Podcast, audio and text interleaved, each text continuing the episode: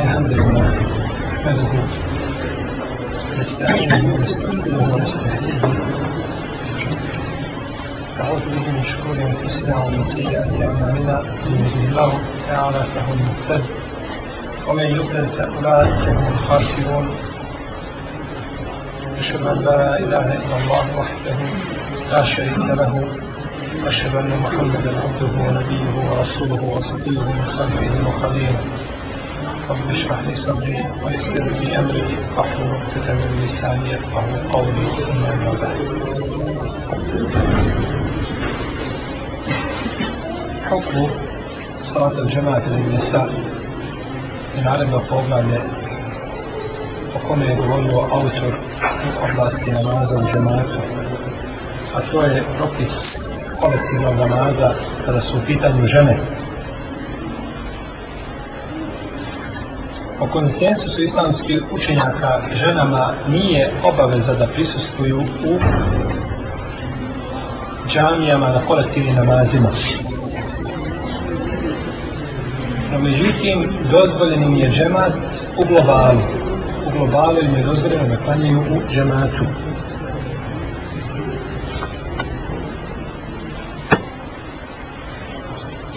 Međutim, namaz žene u njenoj kući je šta? Bolji nego u džani. Ako je namaz sahabike bio bolji u njenoj kući, od džanije poslanika sa nosreme, iza Allahovog poslanika kao imama, onda nema te žene i nema te džanije, osim mesečidu harama, a opet je propis isti. Da je bolja od onoga u čemu se nalazio, jer je poslani sa osam, sada su sahabi.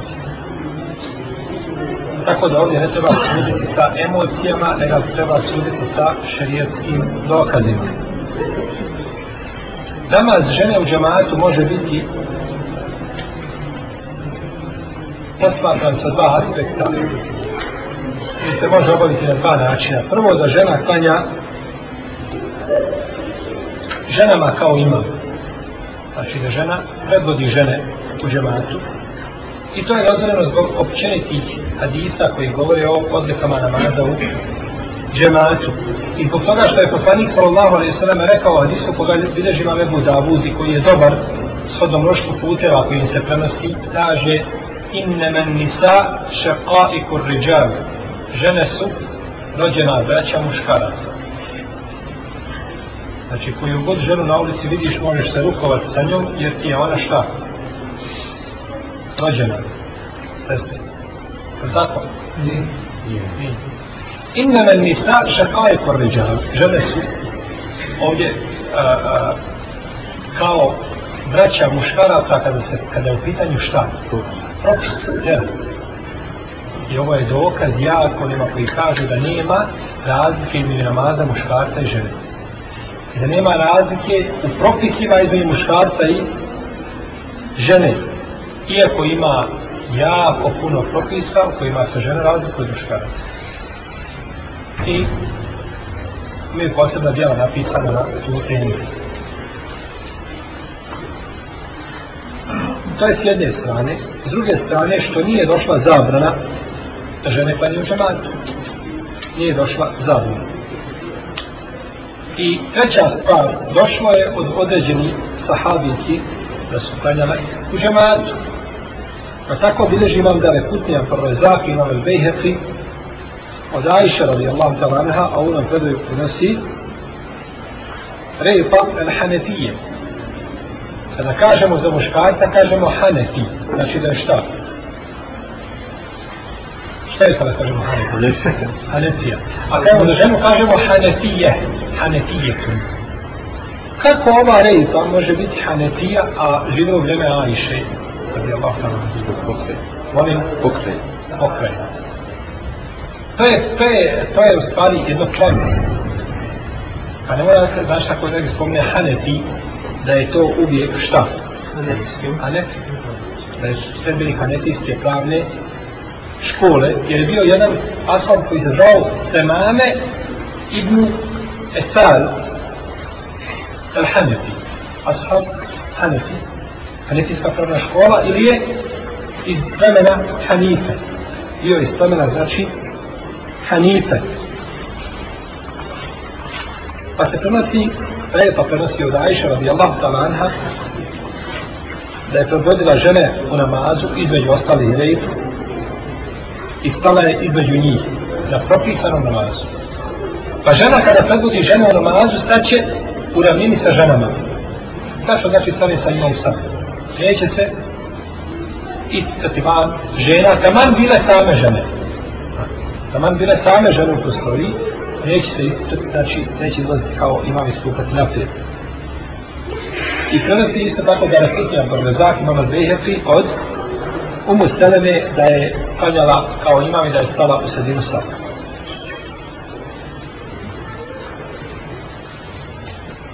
Ove dvije predaje, kaže imam Emneoli za njih u svom delu Hulasko Lahkjan, koliko se sjeća da su oba dvije vjerodostojne. Da su oba dvije ove predaje vjerodostojne i u istrednju ovog lanac prostraca dobar, a ako nije i sahih vjerodostojne. Ovo su dvije ashabike, majke vjednika koje su padale u džematu. A nije poznato od drugih asahabiki da su govorila suprotno tome. Što je argument da je taj posao, da je postupak legitiman, u protivom se neko usprotivio, jer bi najmi ruk kazao suprotno, suprotno tome. I došlo u jednom hadisu, da je poslanik sa osrem rekao na ženi koja se zvala Umu Warafa, rekao je da predvodi ljude koji su, da predvodi ljude, da predvodi žene koje su u njenoj kući. Jer žena ne može predvod muškarca. Žena ne može šta predvod muškarca u namazu. I tu je konsensus učenjaka, osim iznimnih mišljenja koja se pripisuje imam taberiju. I to nikada nije bilo poznato u istoriji čovječanstva na našem vremenu. Kad je žena izišla da predvodi ljude na džunu. i to su musibeti koji se dešavaju kada ponestane sunnet i kada ponestane znanja onda dođu nezdavice pa govore o vjeri pa iziđe žena i kada ljude u namazu no međutim ova predaja je dajiv nije vjerozostojna jer prve dvije predaje su vedene za Ajšu i za Musa. Jel to hadis ili je postupak ashaba. I sahabi, kako hoće. Postupak ashaba. A uvidimo ovdje hadis. Ovdje on naredio da prebudiš na žene, a uvidimo hadis je daje. Ovdje taj hadis daje sa postupcima sahabiki i većine uleme i nepoznavanje ničega što se posili što je u koliziji s ovim argumentima je dokaz da je inša Allah taj postupak da je taj postupak legitimno. I to je mišljenje šafijske i hambelijske pravne škole i ova mišljenja odgovaraju znači argumentima koje su spomenuli. Drugo, drugi aspekt jeste da klanja ili drugi način da klanja i da muškarac svejedno da li klanjala sama iza njega ili klanjala sa skupinom žena ili klanjala u džematu gdje, klanje, gdje klanjaju muškarci sa imamom i da iza njih panjaju žene. Jer je došlo su brojni hadisi koji ukazuju na tu činjenicu, kao hadise na sebi malika u kome kaže Klanjao sam ja i jedan jetim i za poslanika smo osvarom klanjali smo, a za nas je bila u Musulem. U Musulem bi bilo to bila stan, njegova majka razijela dala anha.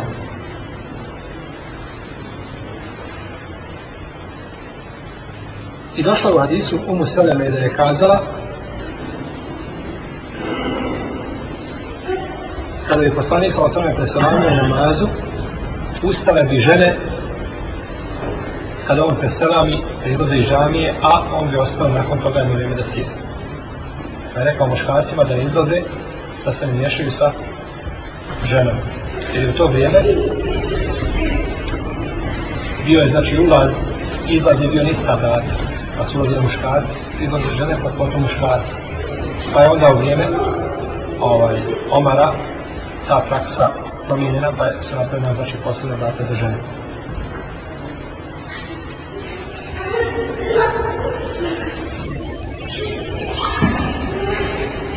Nije dozvoljeno čovjeku da se osami sa ženom koja nije mahen pa da ju kanja kao ima.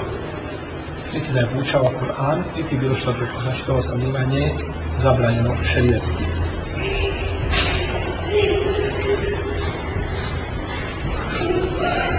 dozvoljeno mu je samo da klanja ženi koja je, znači, njegov mahrem.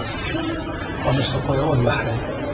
Takvom ženom se može sam, može klanjati, znači, ne smeta da se radi o, znači, da je žena, sestra, majka, tetka, slično, slično tome. Jer je poslanik sam sam rekao da dvoje kada se odvoje ili ostane da je še i kad veći, pa zbog izdaća argumenta se ne smije osamljivati sa ženom strankinjom dozvoljeno je čovjeku da predvodi u džematu skupinu žena strankinja, jer to nije šta. To sam nije već. Kao što je čovjek taksista, ako je taksista i stavi dvije žene u auto ili tri, ovaj, ne smeta, znači to nije šta. To sam nije već. Ili znači osam nije već.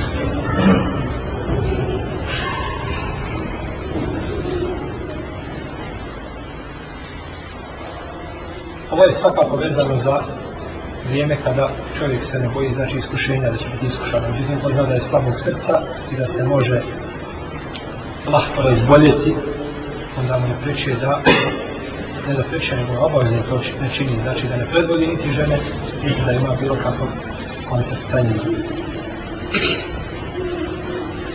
i govorit ćemo još nešto ovaj, kada su u pitanju propisi vezani za žene kada je u pitanju džemat. Broj klanjača koji je potreban da bi se obavio namaz u džematu. Islamski učenjac složi da dvojica ljudi sačinjavaju džemat kada je pitanje namaz u džematu. Nimo džume, ovdje ne pričamo o džume, govorimo o namazu u džematu, znači propisan je farz namaz mimo džume da se klanja, može se klanjati sa dvojicom. Zbog hadisa Malik ibn Huwaisa radijallahu anhu da su došla dva poslanika sa osvrame čovjeku koji su na put pa je rekao kada iziđete neka vam jedan prouči jezan i neka prouči i kamet i neka vas predvodi stariji od vas. Pa je znači ja sam ono ukazao nešto na na namaz u džemata. I hadis ibn Abbasa kada je proveo noć kod svoje tetke Mejmune, pa je ustao, kaže ustao je poslanik sa osrame da klanja, pa se abdestio, pa sam ja ustao i abdestio se na sličan način kako se on abdestio, sallallahu alaihi wa pa sam stao sa njegove lijeve strane, pa me on prebacio na desnu stranu. Pa smo klanjali koliko smo klanjali, pa smo nakon, nakon toga ponovo legli. I prenosio se nebu Sejdom Hudrije, radi Allahu Anhu, da je jedan čovjek zakasnio u džaniju, da je kasno došao i je pristio na namaz u džematu, pa je rekao, hoće li neko podijeliti sedaku ovome čovjeku, to je hoće li klanjati sa njim u džematu, pa je ustao jedan prisutni pa je klanjao sa njim u džematu. I govorili smo u poglavlju noćnog namaza da je Ibn Mesud i Huzeyfi da su kanjali za poslanika sallallahu alaihi wa alaihi wa sallam. U nama se razilazi da li je dovoljno da čovjek da bude jedan da bude dijete e, koje raspoznaje, iako je malo koje raspoznaje, to je e, uvijek je sinu premijin s kojeg šest ili sedam godina je vrijeme raspoznavanja. ovo je kada je u pitanju fars kada je u pitanju fars ispravno je da može zbog hadisa i abasa a nema nikakve razlike i nema dokaza koji ukazuje na razlike između farza i sunneta u ovom slučaju znači isti je, isti je propis a kod većine uleme je dozvoljeno da bude a, mal dječak, koji je malo djeta, ali ra, razazna je da bude imam na sunnetu. To je stav hanetijski i šafijski učenjaka i jedan je vajta lahmeda. Pa ako dozvam da bude imam na sunnetu, onda mu dozvam da bude i muhtedija na Pazu, volimo da li može biti džemat sa jednom, sa imamom koji je puno ljeta, sliman, i sa djetetom koji je šta? Maloljetan, ali razaznaje. Djete koje je maloljeto, ali ne razaznaje, tri ili četiri godine, to nije žena. To je sam namaz. Jer to djete on ostaje za tebe, žuri prije tebe. Znači, ne može razaznaje, ne može još skopčati namaz šta u džematu. Djete koje razaznaje, kao djete sedem, osam godine, ako može biti imam na teraviji, onda može biti i muktedija na propisani namaz, to je manja odgovornost da bude muhtedija nego da bude, nego da bude imam.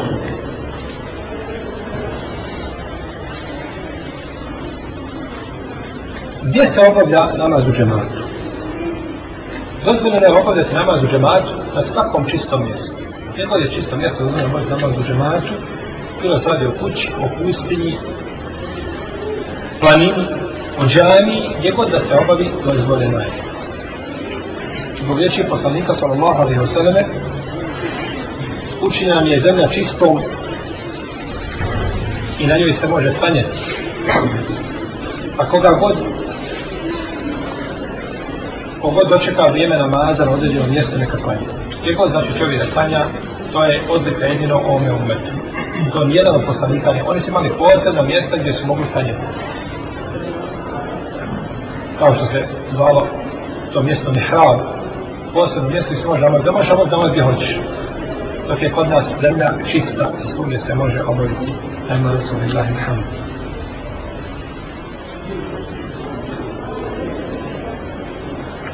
I kaže poslanica Allah sveme, ako budete kanjali tamo gdje ste odcijeli, pa potom dođete u džamiju, kanjajte ponovo sa ljudima, to će vam biti na pila. Znači, nisu kanjali u džamiju, nisu kanjali na drugom mjestu.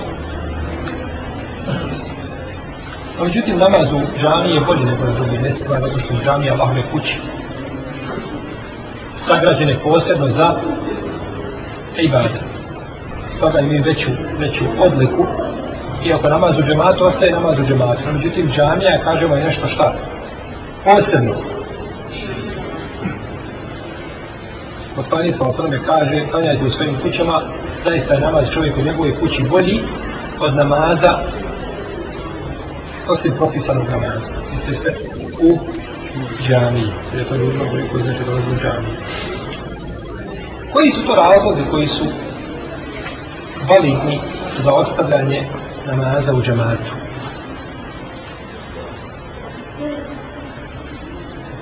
Ti razlozi mogu biti općeniti i posebni. Znači da se tiču općenito ljudi ili da se tiču jedne osobe zasebno. Što se tiče općeniti razloga, To je prvo auto spominje kišu i blato veliko. Pri kome bi čovjeku bilo znatno otežan odlazak u džamiju. I kaže, navodi kao argument, hadis Ibn Omara, da jedne prilike poslanica o sveme naredio, na jezinu da kaže, kada je bilo veliko, veliko je veliko je hladnoća bilo i, i, i kiša, rekao je klanjajte u sadu fi rihal. Jer rihal to je mjesto gdje se odcijalo.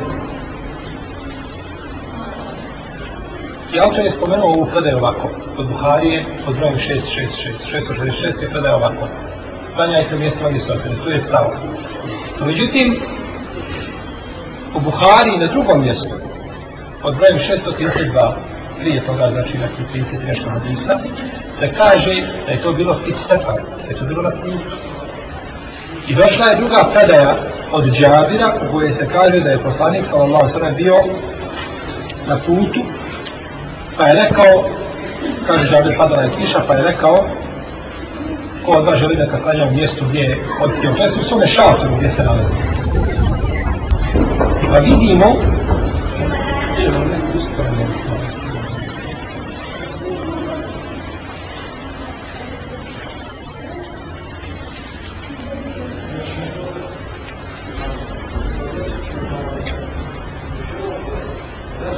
Imamo predaju Ibn Omara i imamo predaju Džabira. I oba dvije kažu da je šta bio na Autor navodi da je dozvoljeno ostati tamo do džemata radi čega? kad zatekiš. Govorili smo da je dozvan čovjek kada je kiša, šta da uradi? Da spoji namazu. Kada je neobična velika kiša zbog koje je ostavio, šta? Farzu džematu da spoji. Pa to je olakšit.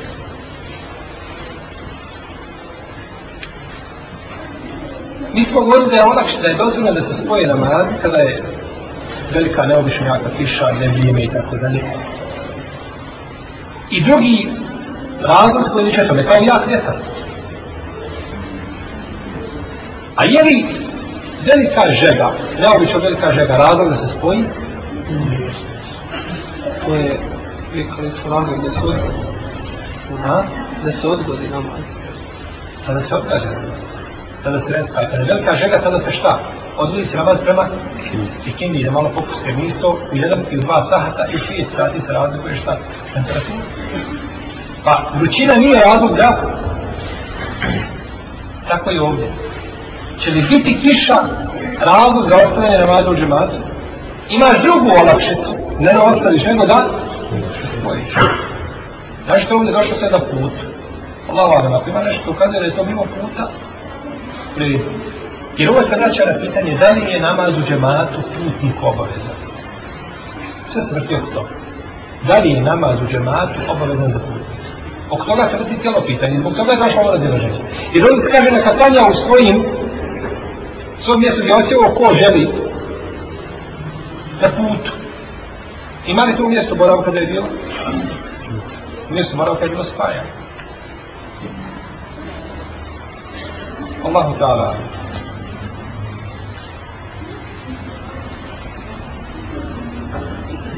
Kaže da je autor, međutim, ako iziđe u džamiju, to je bolje, bez sumnje i kufre. Bog Hadisa je mu sredo kudre od Jambahanu, kaže, bili smo jedne prilike, pala je obima kiša,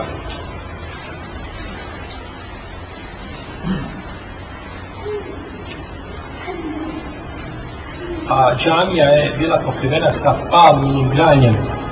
Pa je kiša padala toliko da je natopila zemlju, kaže, pa je poslanik sa osaname činio seždu, a, na, na vodu i na platu. Kaže, pa sam vidio te tragove na njegovom čelu. Pa se navodi, znači, ovdje je poslanik sa znači došao i klanja pa u džematu, iako je padala kiša. Iako je padala kiša. Tako, Allah je bude zna da ovdje argumenti nisu baš najprecizniji ovdje. Allah vam.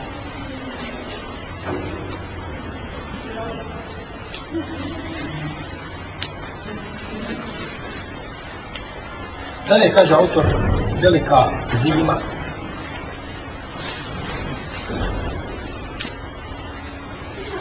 I tu je došao dokaz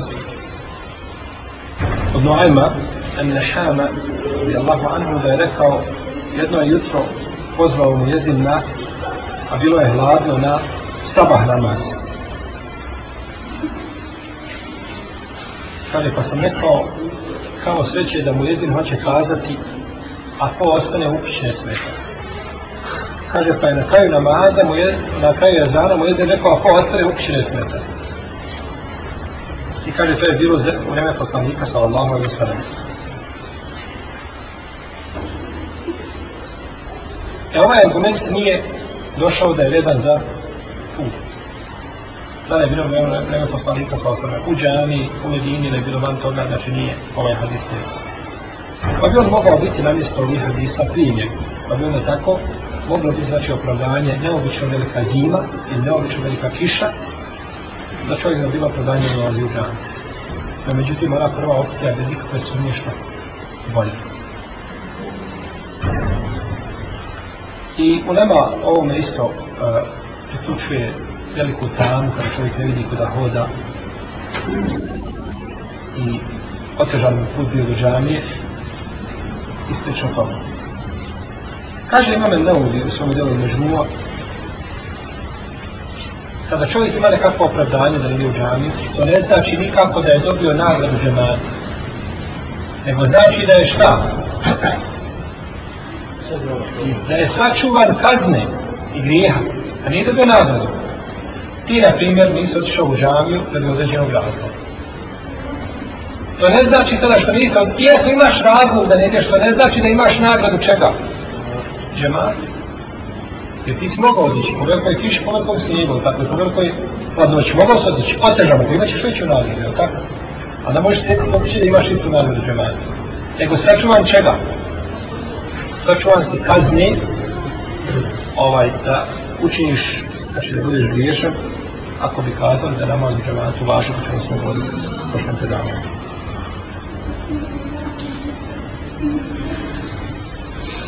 Jedino čovjek ima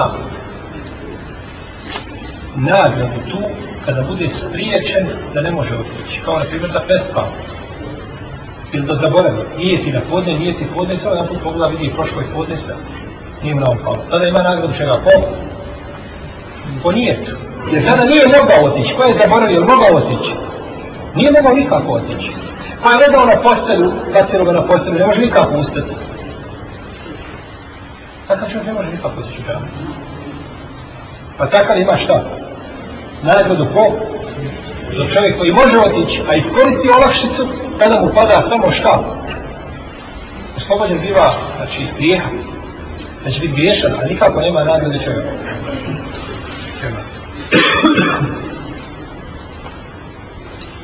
Posebne, ovo su bile opće, znači, opći razlozi koji, po koji je dozvoljeno da se dostavi za džemata. Posebni razlozi su bolest. Takva bolest da čovjeku pričinava vidne poteškoće da ode u džanje. Znači da se može još više razvoditi sveč o tome. Iako je, kako kaže Ibn Besaul, Kaže on muzir, nema razilaženja među islamskim učenjacima da je namaz u džematu dozvoljeno ostaviti onome ko je bolestan. Jer je poslani sa osnovima u kada je bio bolestan na redu da predvodi ljude ko. Evo Bernard, pa nije izišao. Jer ne može, znači, kada je otežan čovjek, znači odlazak u džami. No, međutim, ako je čovjek bolestan, bolest će to može podnijeti. Poput, kada zub boli, ili da na glavobolju glavu, nije to ništa opasno, ili temperaturu, onako nešto malo proljetno neka. Sve je to šta? Nisu razlog za ostavljanje džemata. Nisu razlog za ostavljanje znači džemata, jer to mu ništa. Kao, kao i post. Čovjeka boli zub, i on posti.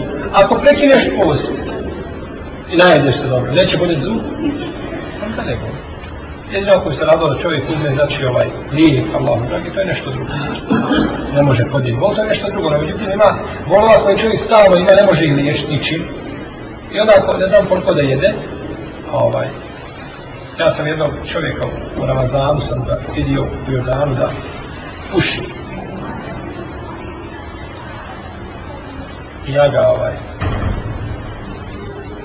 napadnem. Zbog čega puši?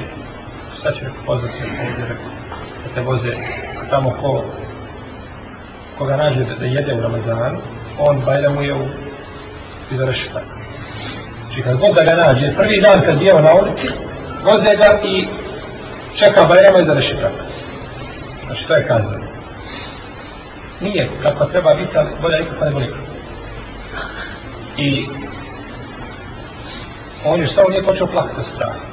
Kaže, nije, kaže, kaže, Boga mi stomak ne boli. Dobro neko, ako pušiš, još tvoj stomak. Ima li doktor na svijetu da je rekao kada, kada stomak zaboli, ti fali cigaretu? Otkorski, da si jeo i skazao na mogu bolest, da se imaš opravdanje, može biti da si bolestan, ja ne znam šta je u tome srcu. Međutim, opravdanje je gore od grijeha koje činiš. Boli me stomak, popuši. Prije da ga glava boli. Znači, bolest treba biti ta koja otežava čovjeku šta odlazak u džami, otežava mu odlazak u džami. No, međutim, ako čovjek kazao, nema jezi što sam bolestan, ja opet idem u džami, je to bolje ili gore? A može otići, ali mu je teško, jer što žinja u poteškoću, ima pravo šarijetski da ne ide. A ako ode, to bolje ili gore? Bolje, bolje da. Bolje je da ode, kaže Ibn Saud, u naše vrijeme nije kasnio i za nije ovaj, izostavio za namaz u džematu, osim monatik koji je bio poznat u svome džematu. I kaže čovjek koji je bio bolestan, hodao bi između dvojice. Dvojica ne nosi do ga, ne postaje u sam. Pa je to bila uputa sahada u poslanika sa Isto tako, strah. Da čovjek se boji nepravednog vladara koji vlada ili njegove svite vojske ili da se boji razbojnika kao što danas sigurno jedan dio pošnjaka ima pravo možda da ne dolazi u džaramiju koliko se razbojnika pojavno da na, na, na miru čovjek ne smije na ulicu izaći pa ako neko ostaje na ovaj džamat neko nađe pravdanje da je to možda zbog onoga što se dešava u ovome našem jadu u kome živimo. E sad ne smije svoje djete na miru poslati da mu sve kupi iz trgovine, a ne kažemo da hoda negdje po grad. Jer uvijek postoji mogućnost da će ga neko izbušiti i da će ti ga vratiti, da će ti jajca pošao razgledati svoje djete, tako i tako završiti. A oni koji temelju šalat probleme, imaju lijepi, oni sjede i uživaju. A obični svijet vrti. To su ti vladari, koji žive u svakom vremenu, u svakom prostoru i koji tlače ljude. Rađuju sam se. Čovjek koji se boli divljač kada iziđe iz neko, dozvoljeno je znači da izostane iza žena. Iako po ovim svim pitanjima ovema ima a, pojedinosti koji se razilaze, no međutim ovo je u globalu. Yes. prenosi se Ibn Abbas, ali ovaj poslanik sa osvrame rekao, ko čuje ezan, pa se ne odazove bez šerijetske opravdanog razloga, nema namaza. Pa je upitan šta je razlog, kaže, to je strah ili bolest. Međutim, ovo nije od poslanika sa osvrame, nego strah, kazao se da to Ibn Abbas, su riječi Ibn Abbas.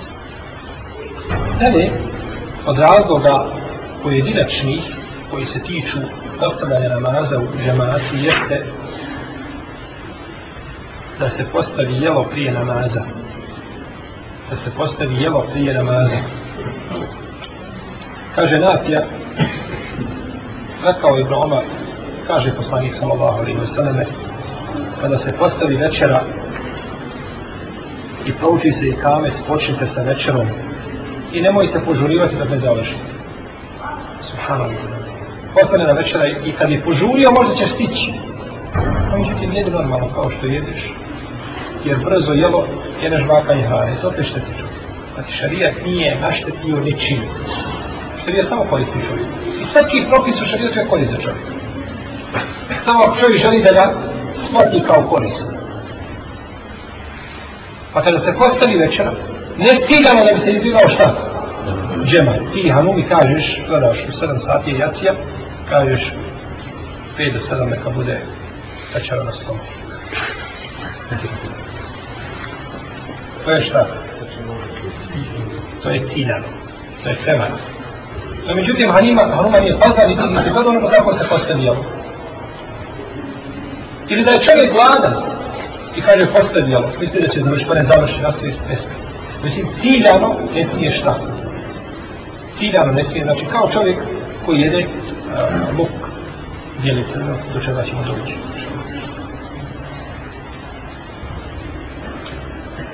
Kaže Nafija, pa je Ibn Omer jednom postavljena hrana i proučeni kamet. Kaže, pa je nastavio jest, a ču, čuo je učenje mama. Jede i čuje učenje mama i šta ne, odazirio se. Znači, mi kada su sudu po emocijama kazali, odiš kanjaš pa i vratiš se. Ne, u šarijetu nije znači emocije, nego su argument. Pa, ako je tako činio Ibn Omer, on je sigurno prenosio ovaj hadis i on ga je najbolje razumio od poslanika sa nemocijama većina ulema kažu počnite sa jelom. Ova naredba da je šta? Dobro je da nije obavezan. Što znači kada bi čovjek otišao, a da klanja ne bi bio riješen. Razumijete? Poslanik sa vas rekao, počnite sa jelom ili sa ramazom. Sa jelom. Dobro, ako bi neko počeo se namazom, je li griješan zbog toga što je radio suprotno naredbi poslanika sa osnovom? Bio bi griješan kada bi smo kazali da je naredba kategoričnog znači karaktera koja povlači za sobom neminom obavezu, moraš i izvršiti. Ali većina ovdje u Leme kaže da je to šta? Da je to sunnet. No međutim, ovdje je došla naredba. Da bi smo kazali da je ta naredba za dobro ulje moramo imati šta? Argument. Moramo imati argument. Ovo je stav. Jedino što kažu šafi je da ako, ako je zaista gladan toliko u protivnom će otići znači da klanje.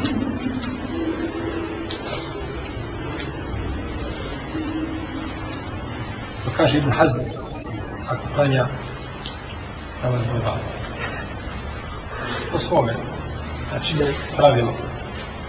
Rahimahullahu ta'ala, ko radi anhu, bio je jedan veliki imam ovoga umeta.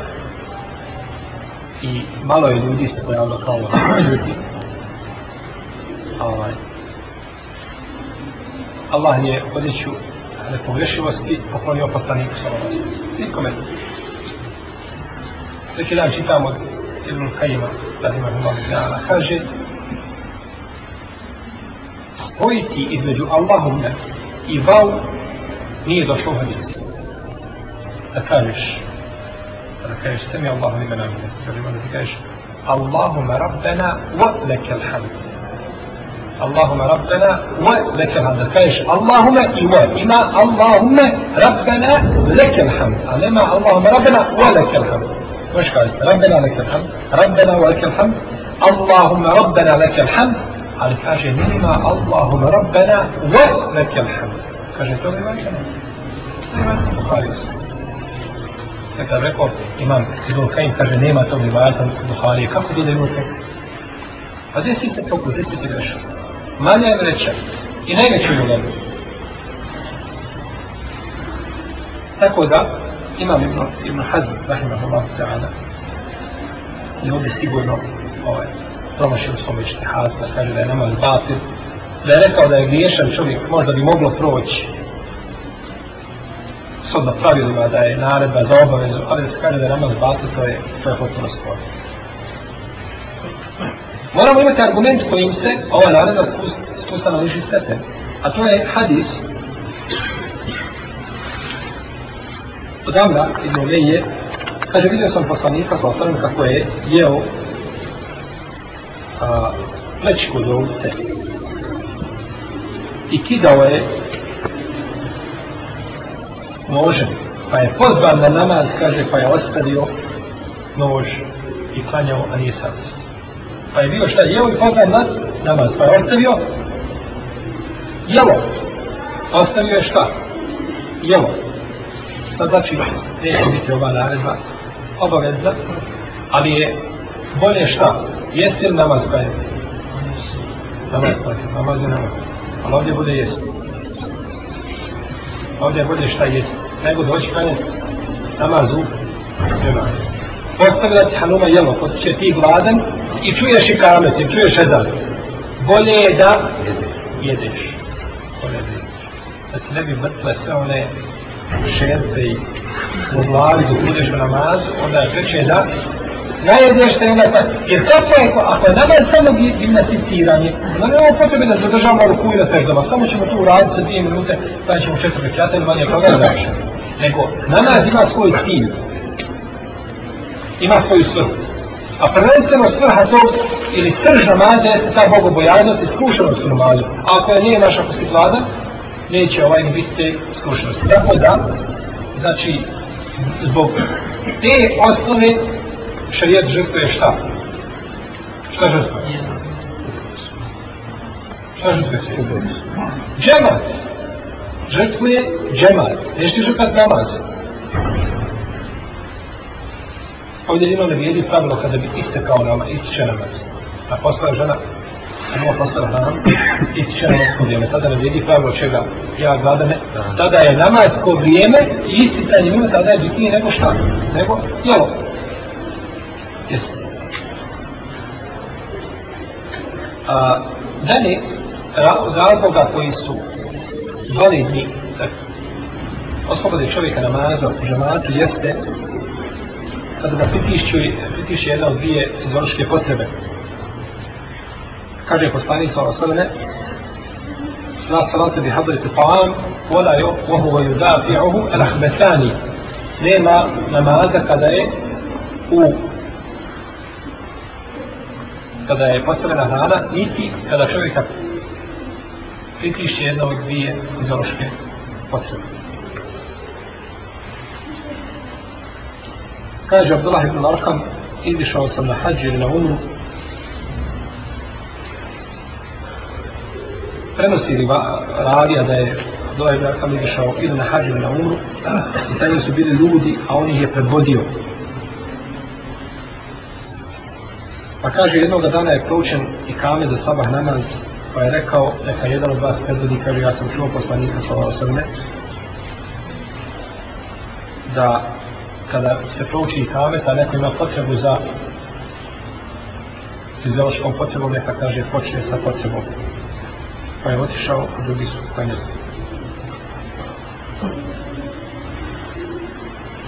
I ovaj razlog je validan po konsensusu da je bez razilaženja znači da čovjek koji ima potrebu počinje prvo sa potrebom.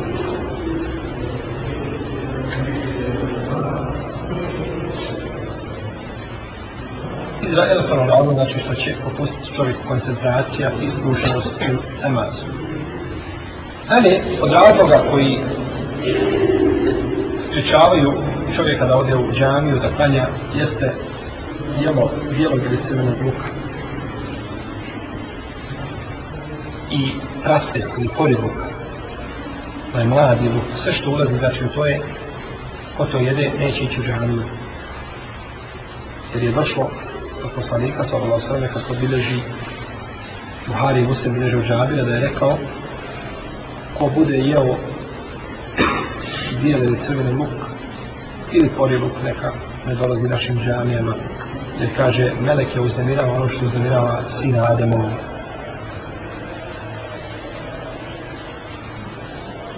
i ovo je svakako ciljane, ovim je, ovim je ciljano onaj ko jede ove, znači, predovu koji je prijesan, a ne kuhan. I je došao do mene jednom hatabu radi Allah, pa to bih imao muslim i drugi, da jedne prilike na Mimberu rekao, ko bude jeo sa ova dva ruža drveta, jeste se na bijeli na crvenu,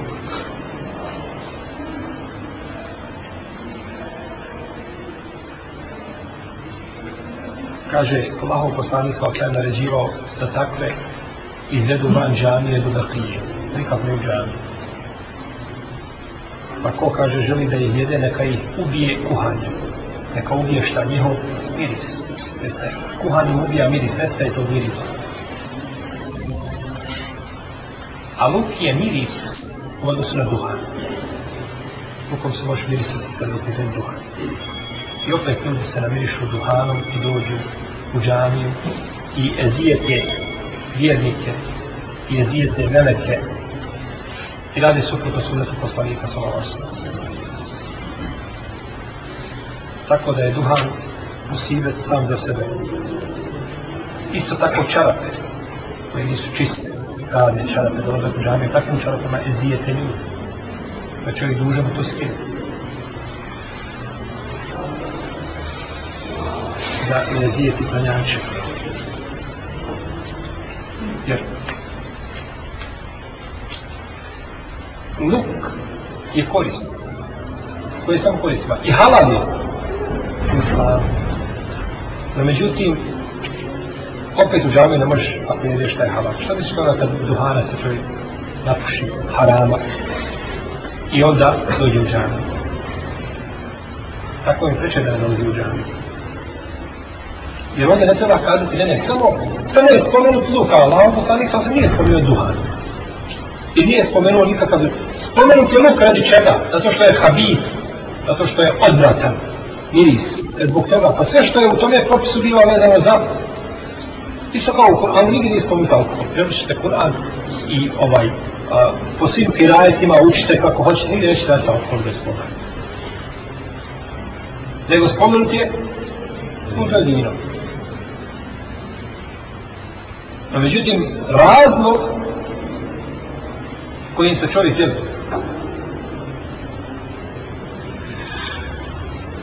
ومن ثمرات النخيل والأعناب تتخذون منه سكرا ورزقا حسنا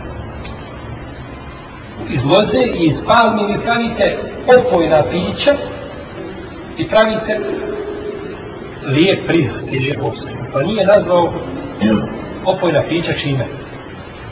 lijepom obskrom. I pravite iz toga opojna pića i lijepu obskrbu. Pa nije nazvao opojna pića čime? Lijepo. Zato joj ne bi spomnio opojna pića, nego samo lijepo, lijepo, lijepo, sve lijepo obskrbu. Ali taj ajit je bio prvi u nizu čega? Zabrana. Nije bila zabrana. To je, to je, to su dvije četiri ili ta stepena kada je u pitanju alkohol. Prvo je došao taj ajet koji je